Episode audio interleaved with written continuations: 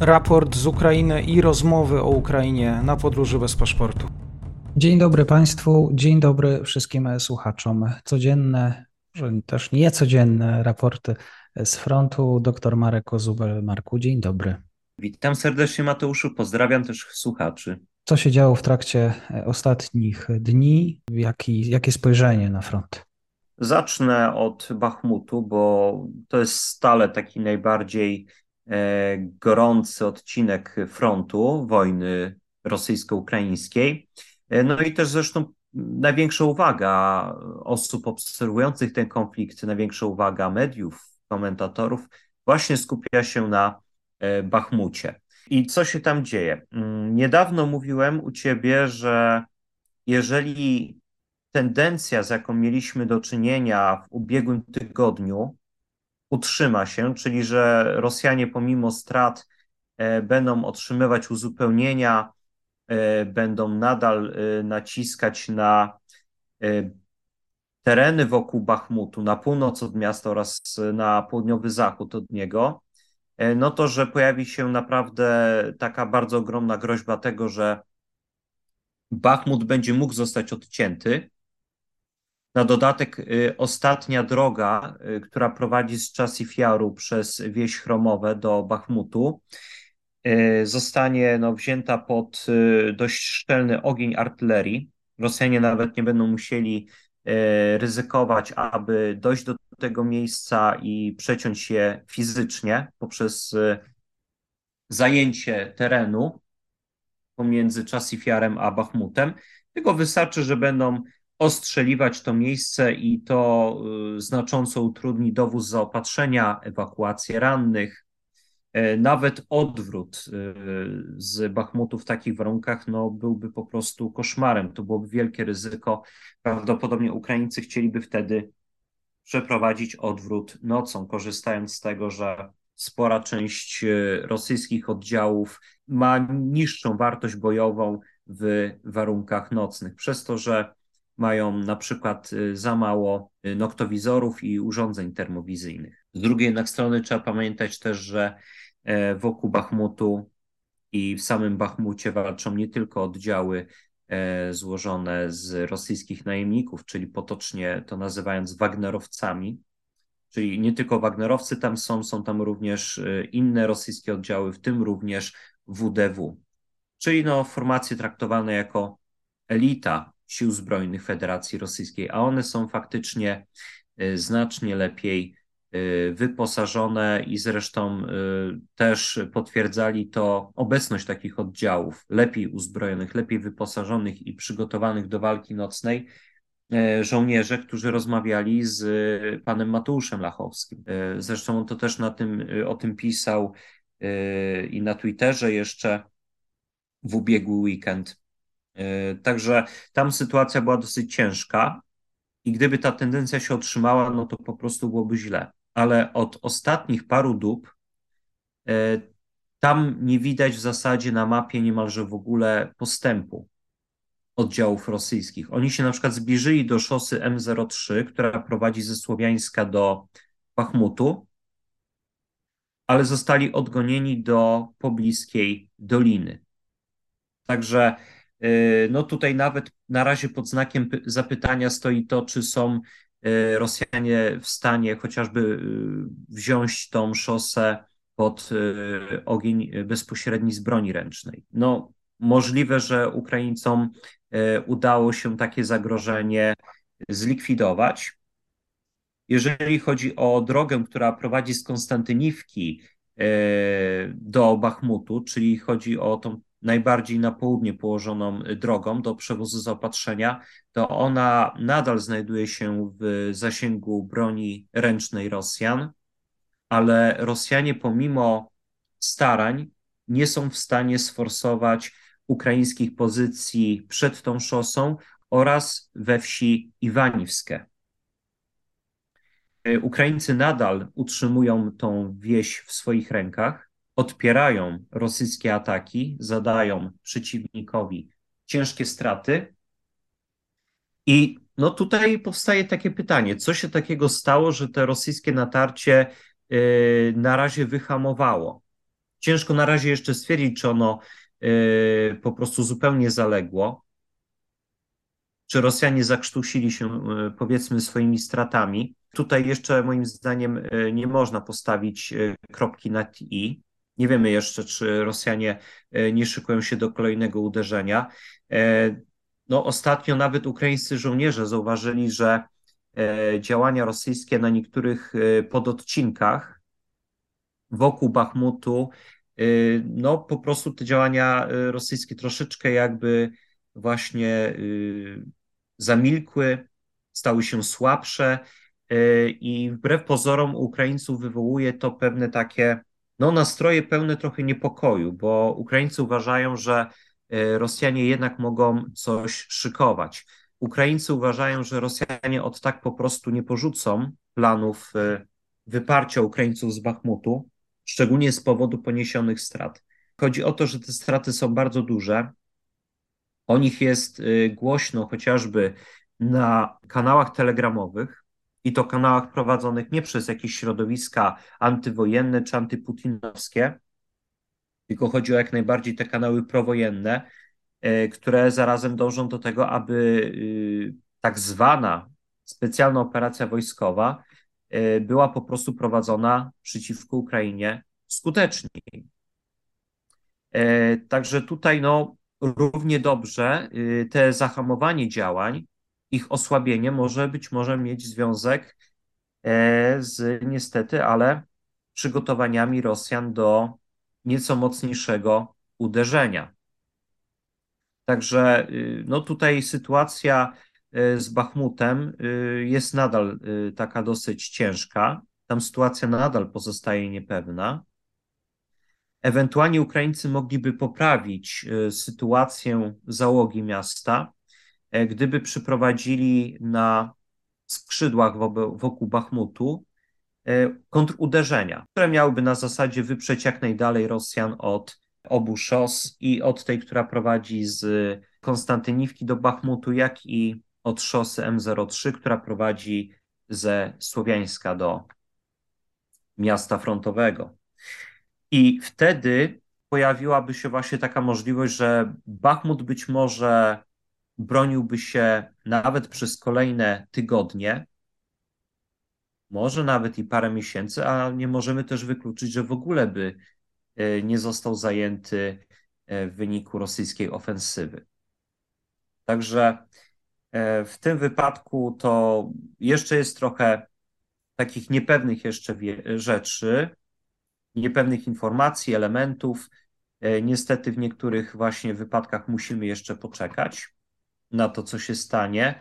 E, nie możemy być do końca pewni tego, co planują dowództwa obu stron, ani Rosjanie, ani Ukraińcy. Wiemy, że na pewno Ukraińcy dysponują jakimiś rezerwami, nawet na odcinku bachmucko-siwerskim, no ale z pewnych powodów e, chcą je na razie oszczędzić. Być może rzeczywiście czekają e, teraz na kolejne większe uderzenie Rosjan, mające zagrozić Bachmutowi otoczeniem.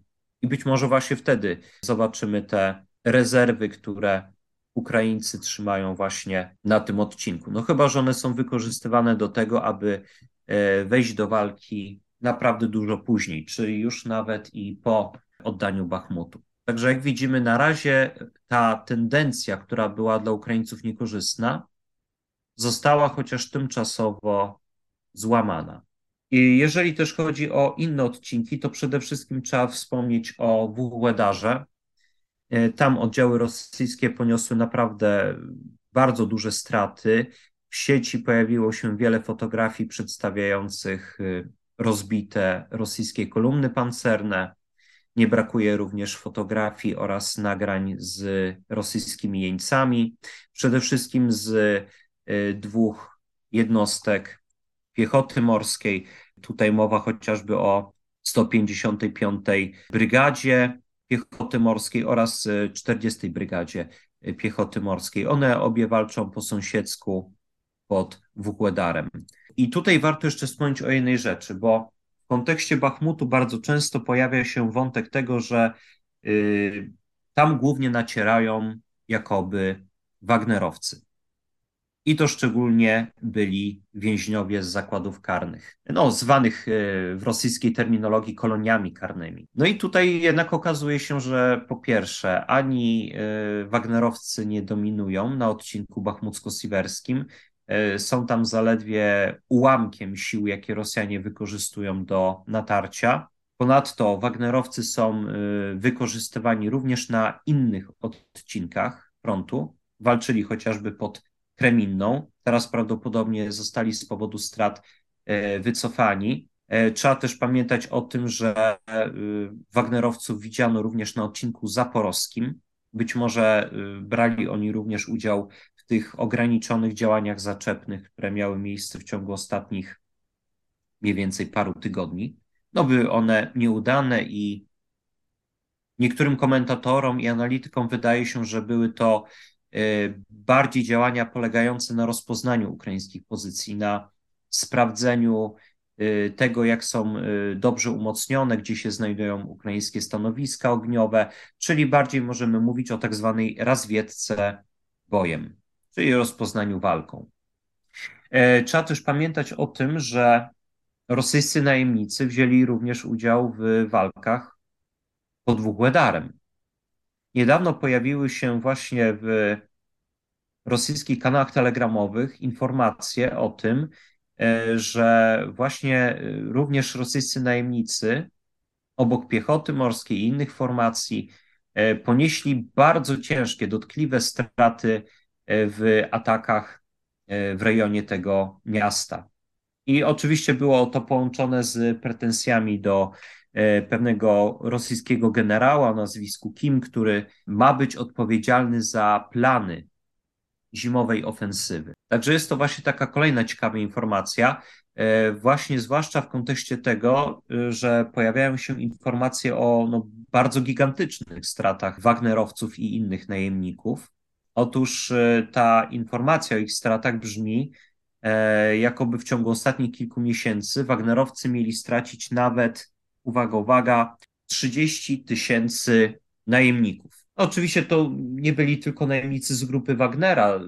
Pamiętajmy, że e, na jednym z kanałów telegramowych no, podawane są, jeżeli chodzi o poległych najemników, to takie informacje zbiorcze dla wszystkich prywatnych kompanii wojskowych, czyli nie tylko dla e, grupy Wagnera, aczkolwiek możemy być pewni, że to właśnie wśród Wagnerowców te straty są zdecydowanie największe. Ostatnio też trzeba podkreślić, że bardzo tutaj jakby y, osłabiona została e, sylwetka e, Jewgenija Prigozina, czyli no, finansowego właściciela tej prywatnej kompanii wojskowej Wagner, no i również człowieka odpowiedzialnego, pamiętajmy, za tak zwaną farmę rosyjskich troli, jest on określany również mianem e, kucharza Putina. No tutaj, y, żeby doprecyzować dla słuchaczy, chodzi o to, że Prigorzyn e, nie był e, stricte kucharzem,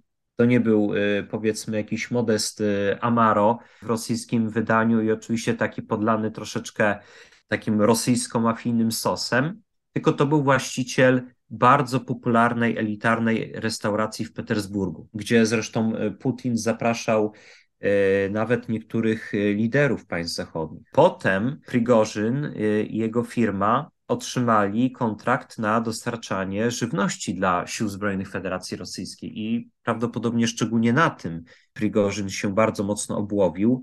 No, z pewnością był tam y, ogromny element kleptokratyczny, no ale czego się nie robi dla przyjaciół w rosyjskich warunkach.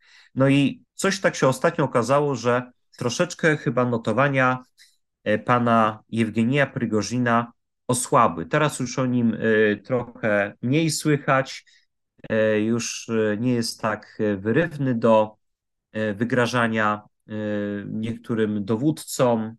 Też ostatnio nie słyszałem, aby zbyt wiele konfliktów było między nim a Igorem Gierkinem, e, z którym niedawno też się dość ostro e, kłócił. Także widać tutaj ewidentnie, że coś się tutaj dzieje niedobrego u kucharza Putina.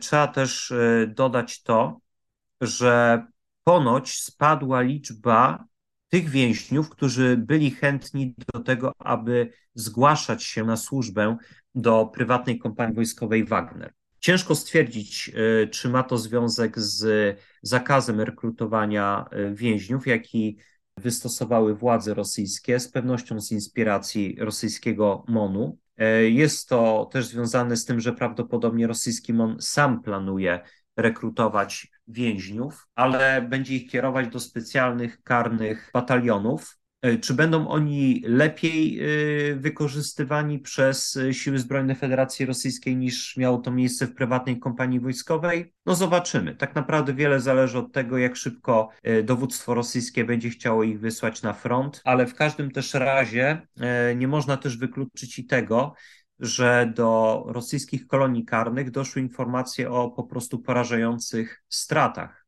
w szeregach prywatnej kompanii wojskowej.